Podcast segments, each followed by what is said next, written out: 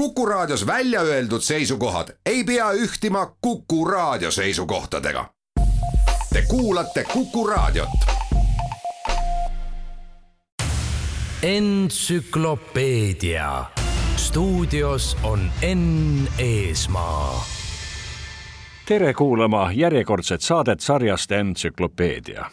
tänase kuulderännaku peakangelaseks on mees, keda võib hinnaalanduseta pidada inimkonna uhkuseks. kirikul on aga aegade lõpuni võimatu maha pesta häbi, mis kunagi selle geniaalse inimese tagakiusamisel ning mõnitamisel tehti. täna räägin teile Galileo Galileist üsna üksmeelselt ülistatakse teda renessansi ajastu suurimaks teadlaseks, kes tegutseks põhimõttel loodusraamat olgu kirjutatud matemaatika keeles. ennekõike teatakse Galileid loomulikult epohhi loovate astronoomiaalaste tööde tõttu. ometi tegija saavutas ta erakordselt palju mehaanika saladusi uurinud teadustöödega, ennekõike jõu ja liikumise alal. inimkond austab igavesti tema tööde tähendust me kõigi suunamisel tõdede rajale. see oli uskumatult raske, sest isegi teadlased teadsid toona märkimisväärselt vähe pakun teile kuulamiseks katkendit Eesti Raadio kuuldemängust, milles kunstilise sõna jõul ja kaudu antakse helipilt sellest, millises keskkonnas Galilei töötama ning elama pidi. parasjagu pakub teadlane skeptikutele võimalust ise oma silmaga läbi teleskoobi vaadata ja näha, milline see taevas tegelikult on. kolleegid õpetlased kutsuvad uut geniaalset leiutist lihtsalt toruks. Galilei osas kuulete Rein Arenit.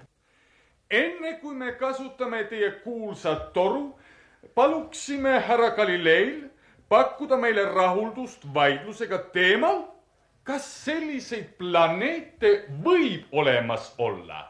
vaadake korraks torusse ja te veendute selles Te saate ju aru, et niisuguste planeetide olemasolu, millel oleks mingi teine tiirlemise keskpunkt kui Maa, on vastuolus Aristotelese ja Ptolemaiuse vaadetega.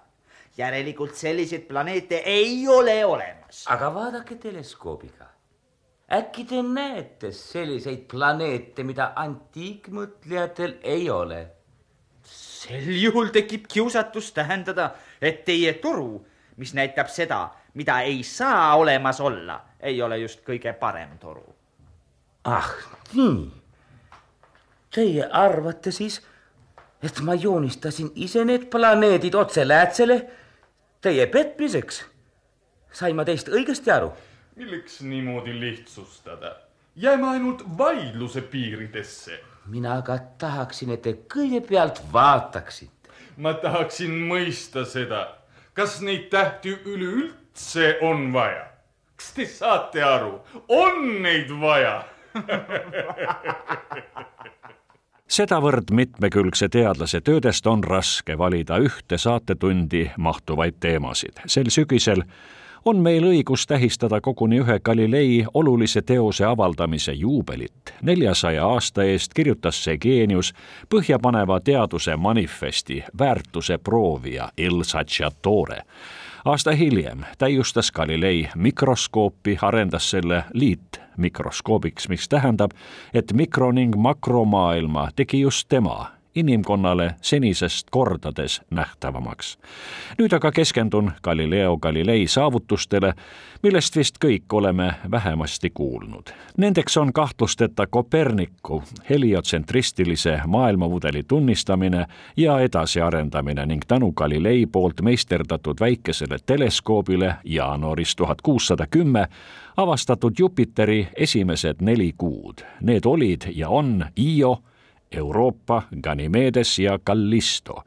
oleks Galileil kasutada olnud suurem ja võimsam teleskoop, näinuks ta Jupiteri kaaslasi tunduvalt rohkem. täna teatakse neid ligi seitsekümmend. Galilei nelja kuud võib praegu meist igaüks pilvitus taevas soovi korral näha isegi tavalise prisma binokliga esimesena oli Jupiteri kaaslasi vaadelnud saksa astronoom Simon Marius Meyer, kuid Galilei taipas, millega täpsemalt oli tegemist. kuna Jupiteri kaaslased ilmusid vaatleja ette perioodiliselt, järeldas Galilei, et need tiirlevad ümber Jupiteri ning peavad olema selle planeedi kuud ajalukku läks ka Meier, kes kuudele andis Kreeka mütoloogiast pärit nimed. Galileo Galilei avastusel oli loomulikult hulga suurem tähendus kui vaid Jupiteri kuude leidmine. see tõestas, et ka teised planeedid peale meie Maa võivad kaaslasi omada, mis otseselt kinnitas Koperniku maailmamudeli paikapidavust. täna aga teame,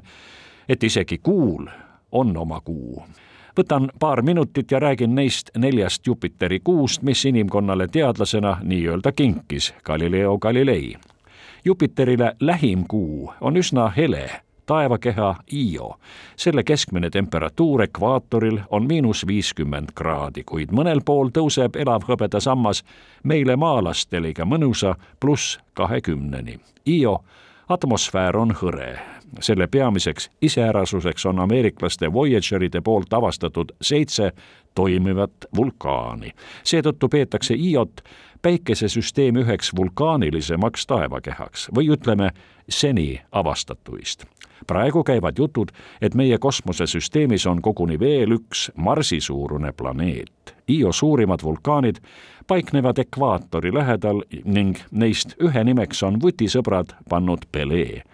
ainukesena Galilei kuudest pole Iol leitud jälgi veest. see-eest on seal kaks suurt mäge, Silpium ja Heemus Euroopa on väikseim Jupiteri kuudest. seal on inimese mõistest liiga külm, isegi keskpäeval näpistaks taevaseid eurooplasi, kui nad vaid olemas oleks, saja viiekümne miinuskraadine pakane.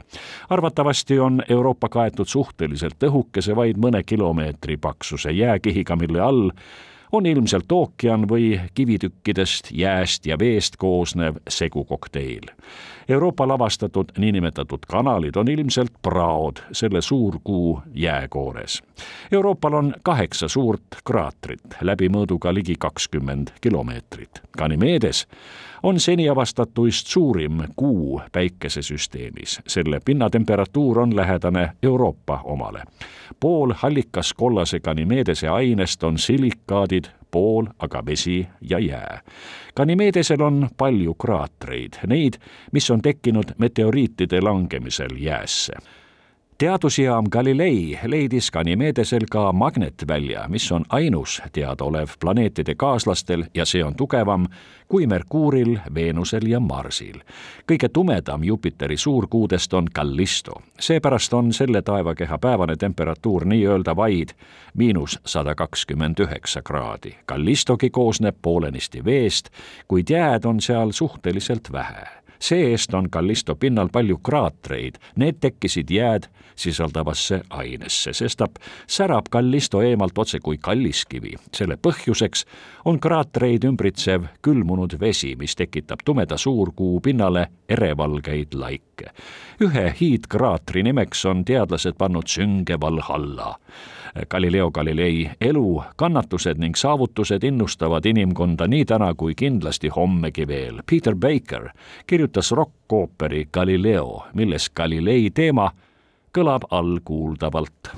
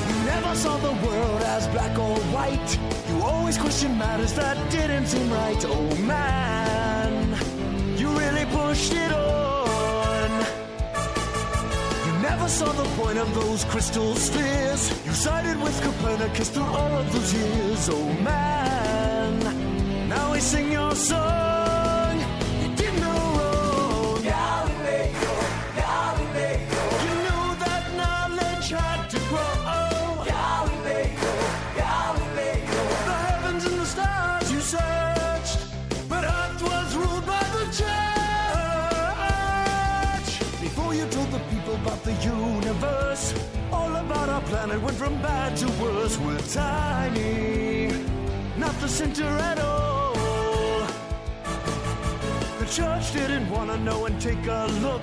They kind of were so blinkered by the holy book. Oh, heretic is what they cried. We're on your side. Galileo,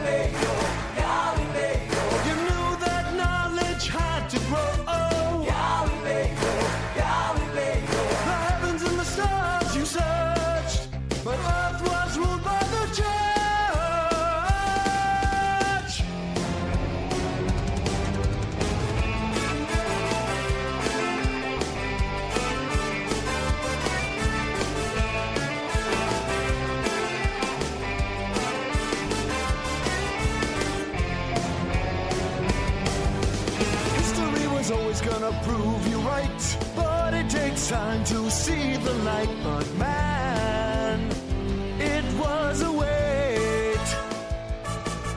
Who'd have thought that when the church pardoned you, it would be the year 1992? Oh man, the truth won't die.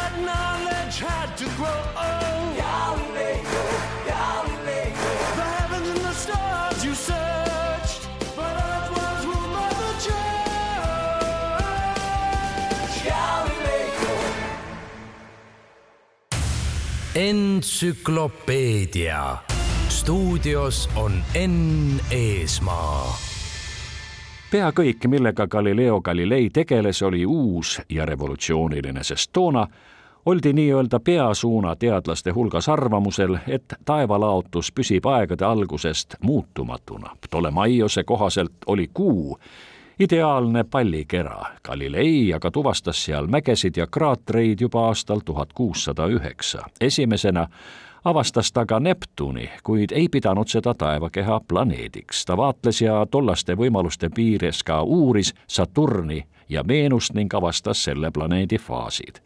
Galilei mõtiskles koguni linnutee olemasolu ja selle üle, millega täpsemalt meil tegemist on. enne teda arvati, et linnutee on midagi gaasiudu taolist. Galilei aga leidis, et see taevane nähtus koosneb nii paljudest tähtedest, mis kaugelt, näiteks maa pealt vaadates meenutab hiigelpilve.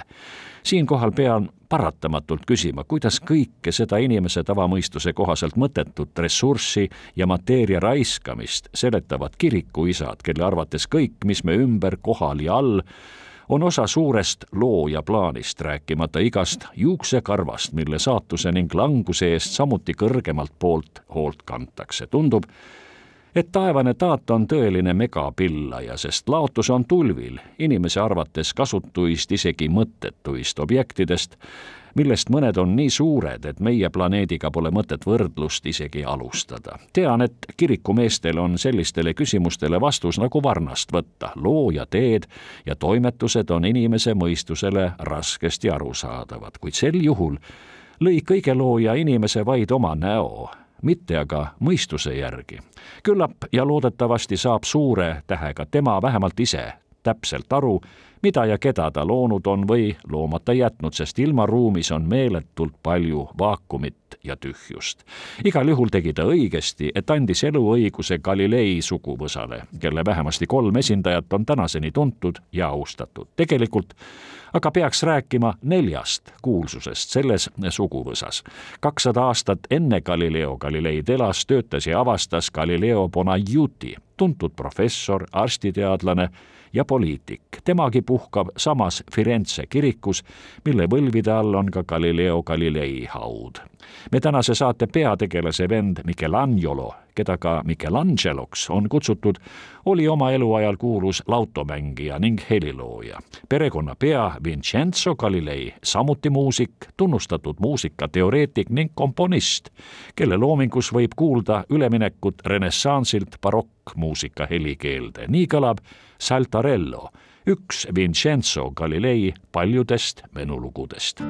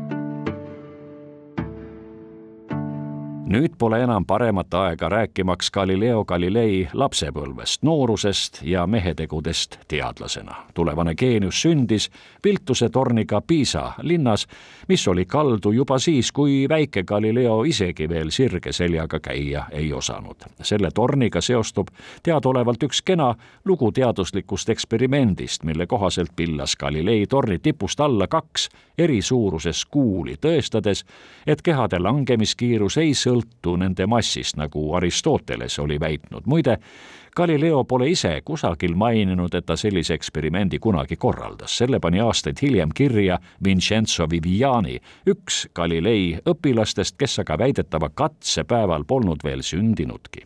tuvastatud eksperimendi korraldas aastal tuhat kuussada kaksteist hoopis üks teine teadlane, kes püüdis tõestada Galilei teooria ekslikkust tema nime ei mäleta enam keegi. Galileo isa oli õukonnamuusik, ema Giulia Amannati kõike muud kui traditsiooniline kodukolde hoidja. ta huvitus matemaatikast ja helide maailmast ning avaldas koguni raamatu Dialoog vana ja uuema muusika vahel. ehk juba toona sai ta poeg Galileo mõtte, kunagi kirjutada inimkonna mõttemaailma muutev raamat Dialoog kahe peamise maailmasüsteemi vahel, kuid sellest pisut hiljem.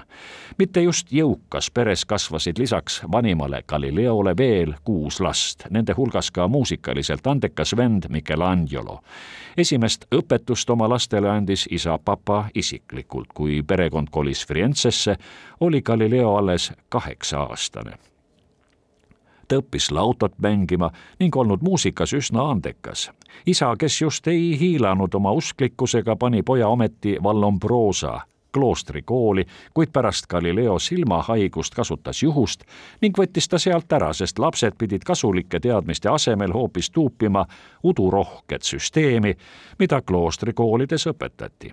isa ennustusel sai Galileost aastal tuhat viissada kaheksakümmend üks Pisa ülikooli meditsiinitudeng küllap ta pani iseendale objektiivse diagnoosi, sest arstiteadusest rohkem huvitas teda matemaatika ning kõiksugu väitlused Aristotelese teemadel. Neid oli aga rohkem kui üks toon vaid kaks näidet. Aristotelesega karmis vastuolus oli Galilei poolt tõestatud kukkuvate kehade seadus ehk langenud keha kaugus on võrdeline kulunud aja ruuduga teine vastuolu oli seotud mürskudega. Galilei leidis, et mürsu trajektoor on parabool. Aristotelese füüsikatunnis oleks Galileo saanud ühe miinusega, siis kui kunagi võis ehk toimuda see kehade langemiskiiruse katse. isa polnud poja eriala vahetamisega päri, mistõttu Galileo jättis ülikooli õpingud pooleli. seega ta jäi ilma võimalikust teaduskraadist. see-eest leiutas ta hiljem uutmoodi kraadiklaasi, mida kutsus õhk termoskoobiks.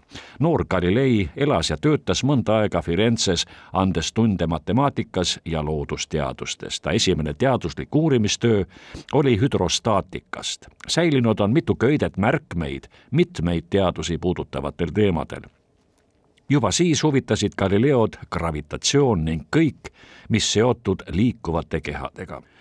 Galilei taipas esimeste hulgas, et häälel on oma lainepikkused ja võnkesagedused, ta püüdis koguni mõõta valguse kiirust, kuid tegi seda kahe künka otsas süüdatud laternate abil, mistõttu üliväike vahemaa ei andnud põhjust õigesti taibatud teese tõestada. Galilei tuntus suurenes kiiresti, seltsima noormehena oli tal palju tuttavaid ja sõpru, kellest nii mõnigi aitas teda ka rahaliselt Galilei saavutas midagi üsna uskumatut. kraadita mehest sai aastal tuhat viissada kaheksakümmend üheksa Piisa ülikooli matemaatikaprofessor, kelle tööülesannete hulka kuulusid ka loengud ja tööd astronoomia ning loodusteaduste vallas, peamiselt füüsikas pärast isa surma otsustas Galilei mõni aeg töötada Padova ülikoolis, kus palk oli suurem. Muuhulgas õpetas ta tudengeid ka Ptolemaiose ning Aristotelese teooriate vaimus, kuid juba toona kahtles neis otsustavalt. pikki aastaid elas ja töötas Galilei Firenzes ning on ise tunnistanud, et need olid ta elu ilusaimad. teadlasena huvitus ta toona mehaanikaga seotust, tegi katseid pendlite ning kaldpinnal veerevate esemetega. aastal tuhat kuussada neli ilmus taevasse supernova, kuigi teleskoopi polnud keegi veel leiutanud, vaatles ning jälgis Galilei seda taevast vaatemängu ning jõudis järeldusele, et kuna uus täht oma asendit ei muuda, peab see asuma kuust kõrgemal. järelduste hulka kuulus ka Aristotelese täiuslikkuse doktriini kriitika töötada ta sai üsna rahulikult, sest teda toetas ning koguni rahastas Cosimo teine de Medici, Toskaana suurhertsog, kes palkas Galileo oma õukonna matemaatikuks ja filosoofiks. tänutäheks nimetas Galileo Jupiteri kuud Medicite perekonna järgi. Galilei täiustas pidevalt oma teleskoopi, mis lõpuks andis teadlasele toona ulmelise kahekümnekordse suurenduse. toona vaimustus Galilei ka maapealsest ilust, imekaunist Marina Gambast, kes sünnitas talle kaks abieluvälist tütart Virginia ning Livia ja poja, kelle nimi oli Vincenzo tütred läksid kloostrisse kuuldavasti selle tõttu, et isal polnud raha tütrekeste mehele minekuks kaasavara hankida pojast aga sai isa tööde jätkaja, muuhulgas arendas ta edasi pendelkella. enne kui meenutame Galileo Galilei tagasipöördumist Firenzesse oma peamiste tööde kirjutamist ning paratamatut konflikti kirikuga, kuulame mõnele teist ehk üllatuseks kõigi aegade ühe parima popansambli The Queen laulu mida paljud pole kunagi seostanud me saate peakangelasega. ometi on laulu, õigemini maailmakuulsa Bohemian Rhapsody ühe osa nimi Galileo Galileo ja seda on selgesti ka kuulda. I see a little silhouette of a man. Scaramouche, Scaramouche, will you do the fandango? Thunderbolt and lightning, very, very frightening me. Magnifico! I'm just a poor boy, nobody loves me. He's just a poor boy from a poor family, sparing his life from this monstrosity. Easy come, easy go, will you let me go? Bismillah, no, we will not let you go. Let him go!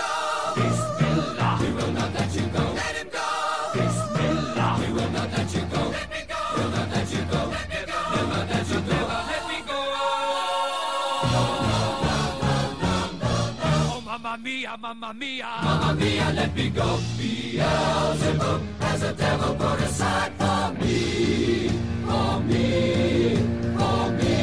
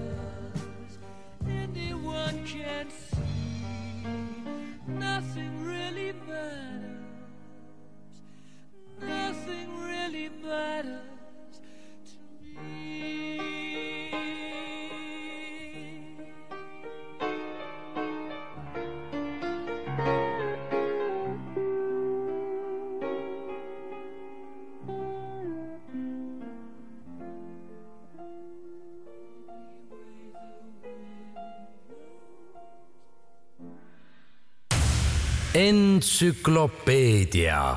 stuudios on Enn Eesmaa esialgu said kirikuisad Galileiga oivaliselt läbi. noor teadlane kohtus Vatikanis koguni paavst Paulus viiendaga ning tema teoseid andis välja religioosne akadeemia, mille liikmeks Galilei valiti. üks esimesi töid oli päikeseplekkidest, mille avastajaks targad akadeemikud Galileid ülistasid. tegelikult oli neid plekke esimesena vaadelnud juba madalmaade astronoom Johannes Fabricius, kuid toona arvati, et päikeseplekid pole mitte me tähe pinnal, vaid tegemist on pigem päikesekaaslastega. Galilei päikeseplekkide raamatus oli aga sees viitsütikuga pomm, mida usuteadlased kohe ei märganud. Galilei toetas neil lehekülgedel esimest korda trükisõnas Koperniku maailmasüsteemi, tuues näiteks Jupiteri kaaslased, mille kirjeldamisest tänast saadet alustasin.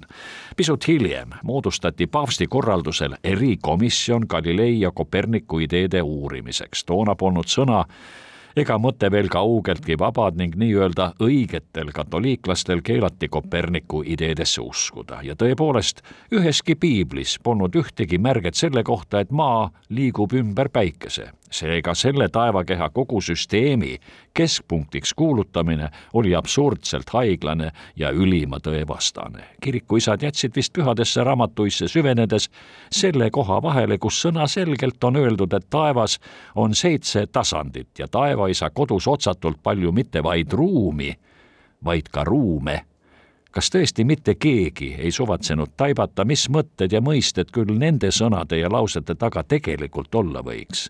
paljude arvates ühe oma põhjapanevama teose väärtuse proovija mõte sündis siis, kui Itaalia taevas ja mujalgi nähti kolme komeeti, seega aastal tuhat kuussada kaheksateist. seda raamatut peetakse tänagi teaduslik poleemilise kirjanduse pärliks, milles on kirja pandud vaimustav poleemika füüsilise reaalsuse üle asjatundjad näevad selles ja teisteski Galilei töödes uue teadusliku meetodi kirjeldusi. Nende teoste mõistmiseks ja nautimiseks peab aga omama üle keskmise teadmisi matemaatikast. Neid inimesi oli Galilei ajal vähem kui mõnes tänase Eesti keskkoolis. eks Galilei oli omamoodi ka kaval krutskimees, ta pühendas jesuiite rängalt pahandanud jumalavallatu raamatu uuele Vatikani paavstile Urbanus kaheksandale, kes esialgu Galileid igati toetas. samas on paljud uurijad rõhutanud, et kõigele ja kõigile vaatamata oli Galileo Galilei tõsiusklik mees, kelle lõplikku pühendumist segas ta teadlase veri ja vaist. Galileile on pühendatud lugematul arvul hilisemate põlvkondade autorite loomingut. hea meelega mängin teile ansambli Hidden Kingdom sulnist muusikat nende heliplaadilt Galilei. pala nimeks on Galilei ikooniline lause Ta liigub ometi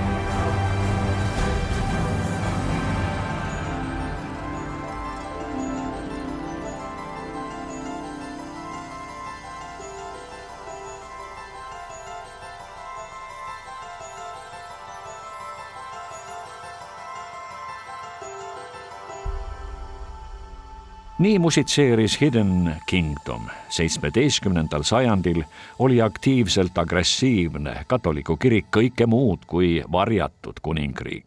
vana ja haige Galileo Galilei tiriti Rooma inkvisitsiooni kohtu ette. pühadel isadel ajas harjad põrgu punaseks aastal tuhat kuussada kolmkümmend kaks avaldatud Galilei raamat dialoog kahe peamise maailmasüsteemi kohta. vormiliselt poleks nagu midagi korrast ära olnud. teos ilmus paavsti nõusolekul ja tsensor oli teksti heaks kiitnud. autor pidas koguni kinni vaimulike ülemuste nõudest jõuda arutluste lõpus ikkagi kirikule vastuvõetavate järeldusteni kavalalt ta mainis oma raamatu eessõnas, et tegemist on pelgalt hüpoteeside, matemaatiliste arutlustega, millel tegeliku elu päris planeedi Maa ja Päikesega on vaid kaudselt teoreetiline seos. kes aga vähegi ta raamatuga tutvus, sai kohe aru, et sisuliselt teadlane pooldas hoopis teisi tõdesid, neid, mida oli kuulutanud Kopernik ärme unusta, et selle raamatu täielik pealkiri oli dialoog kahe peamise maailmasüsteemi,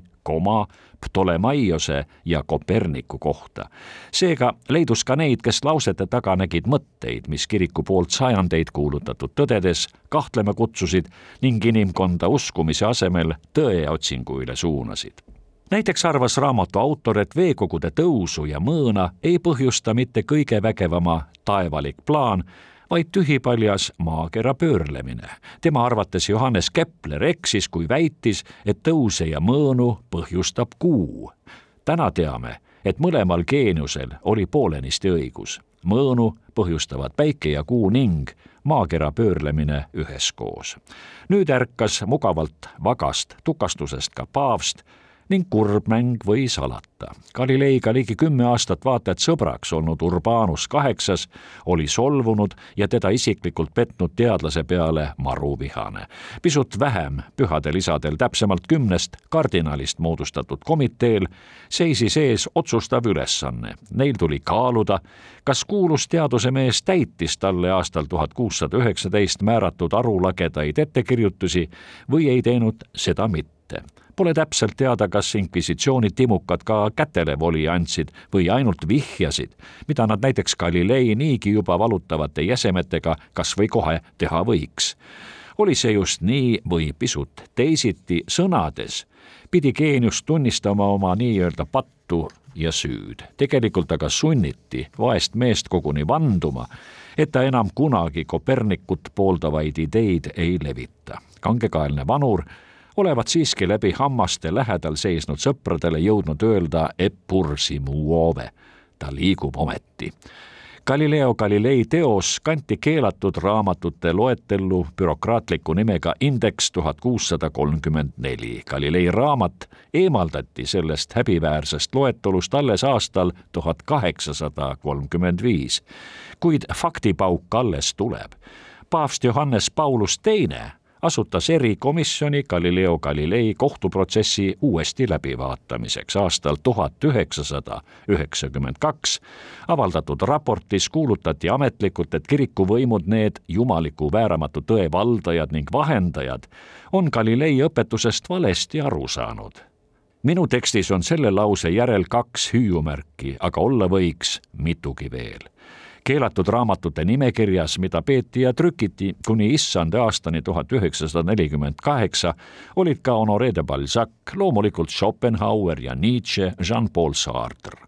seal olid ka vanad lootusetud padupatustajad Kopernik, Voltaire, Daniel Defoe ja mõned teisedki, kes uskumisele eelistasid teadmisi. see sisuliselt traagiline komejant kestis kuni aastani tuhat üheksasada kuuskümmend kuus, mil palverändurist paavst Paulus kuues otsustas, et keelatud raamatute nimekirjal pole kirikumaailmas enam seaduslikku jõudu. varsti kuulutati see mees õndsaks ning viie aasta eest pühakuks, selle vastu pole ainuüksi selle totra nimekirja kaotamise pärast vist veendunud ateistidki. ometi rõhutatakse katoliiklikus maailmas täna ja küllap veel mõnda aega moraalset kohust mitte lugeda ja levitada usku, kirikut ja moraali kahjustavaid teoseid ja aateid, mis ausalt öeldes väheke nagu meenutaks seadusele lähedasi kombeid ja korda. Õnneks on riik ja kirik paljudes maades otsustavalt lahutatud aastal tuhat üheksasada kuuskümmend kaheksa tegi Itaalia kinolavastaja Liliana Cavani õnnestunud mängufilmi Galileo, milles peategelast kehastas Cyril Cusack kuna kuulate raadiosaadet, on sellest faktist vormiliselt olulisem, et muusika filmile Galileo kirjutas kinomaestro Ennio Morricone. üks selle filmi meeldejäävatest muusikapiltidest aga alla selle taseme Morricone ei loonud, kõlab nii.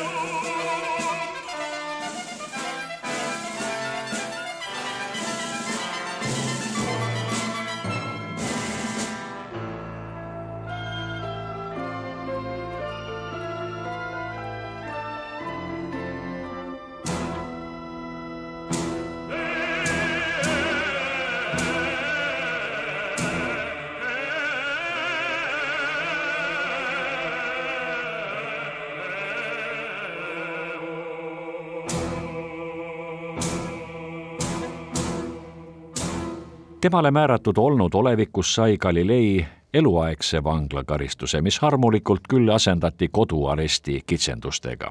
esialgu oli ta nii-öelda koduks Toskaania saatkond Roomas, hiljem lubasid kirikuisad oma otsata helduses Galileil elada oma sõbra Siena peapiiskopi juures, seega polnud kirik oma raevus ja kättemaksu ihas kaugeltki mitte üksmeelne. ega arest piirdunud vaid ruumiliste kitsendustega, teadlasel lubati kohtuda vaid väga kitsa ringi inimestega, ei lubatud aga ühtegi raamatut kirjutada sageli oma hingepiinajaid kavalalt alt tõmmanud Galilei tegevust või kas või tegevusetust kontrollis vastav valvemeeskond. kõige selle kohta on sajandite jooksul avaldatud ka veidi liberaalsemaid olukirjeldusi, mille kohaselt olnud Galileil siiski võimalus väikest viisi koguni teadust teha, esmajoones jätkata uurimistöid mehaanika vallas.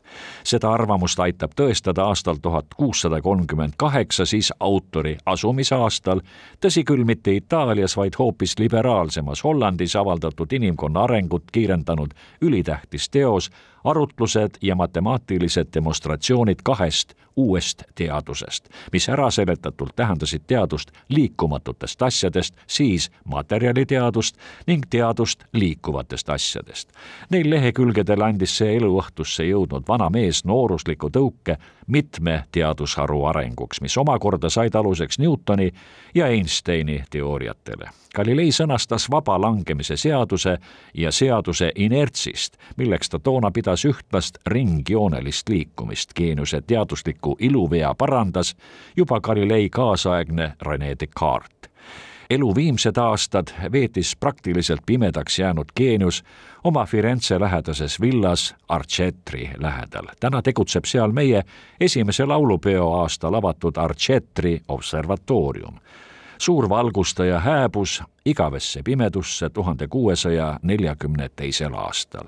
pimeda teadlase viimseks kaaslaseks oli ta noor tudeng Vincenzio Viviani, kellest korra juba rääkisin tänaseks on maailm Galilei aegadest tundmatuseni, no või ütleme suuresti muutunud. hinge areng on olnud aeglasem. Galileil oleks raske uskuda, et praegugi leidub veel inimesi, kelle arvates elame lamedamaalisel planeedil, et vaid inimkond on kõiksuse ainus pererahvas, et kõikvõimalikud maised monarhid on taevaste poolt paika pandud ning Rooma paavst on kõige looja suursaadik maa peal. Galileo Galilei on maetud väheimelik küll Firenze Santa Croce kirikusse. võimalik, et kadunukese arvamust keegi ka eriti ei küsinud. esialgu otsustasid kirikuisad Galilei matta mitte kiriku peamiste haudade kõrvale, vaid kõrvalisemasse kohta. oli ta ju kiriku poolt neetud ja põlatud. hiljem maeti Galilei siiski ümber sama kiriku väärikamasse puhkepaika üsna Michelangelo Michelangelo ja Machiavelli lähedale. selle toimingu käigus eemaldati ta jäänustelt kolm sõrme ning üks hammas. geeniuse sõrmi saab soovi korral tänagi näha Firenze linna Galileo Galilei muuseumis. saate lõpulooks valisin kuulsa teadlase venna Michelangelo Galilei pala Volta, mis ladina keeles tõlgituna vihjaks nagu otseselt Galileo Galilei vääramatult otsustavale tähendusele inimkonna mõttemaailma arengus. Volta tähendab meie keeli pööra ümber ja seda Galilei tõesti väsimatult tegi. Volta kõlab kitarrist Jakob Lindbergi esituses. Kuulmiseni nädala pärast, siis pöörame entsüklopeedia seriaalis uue ning loodetavasti teile huvipakkuva lehekülje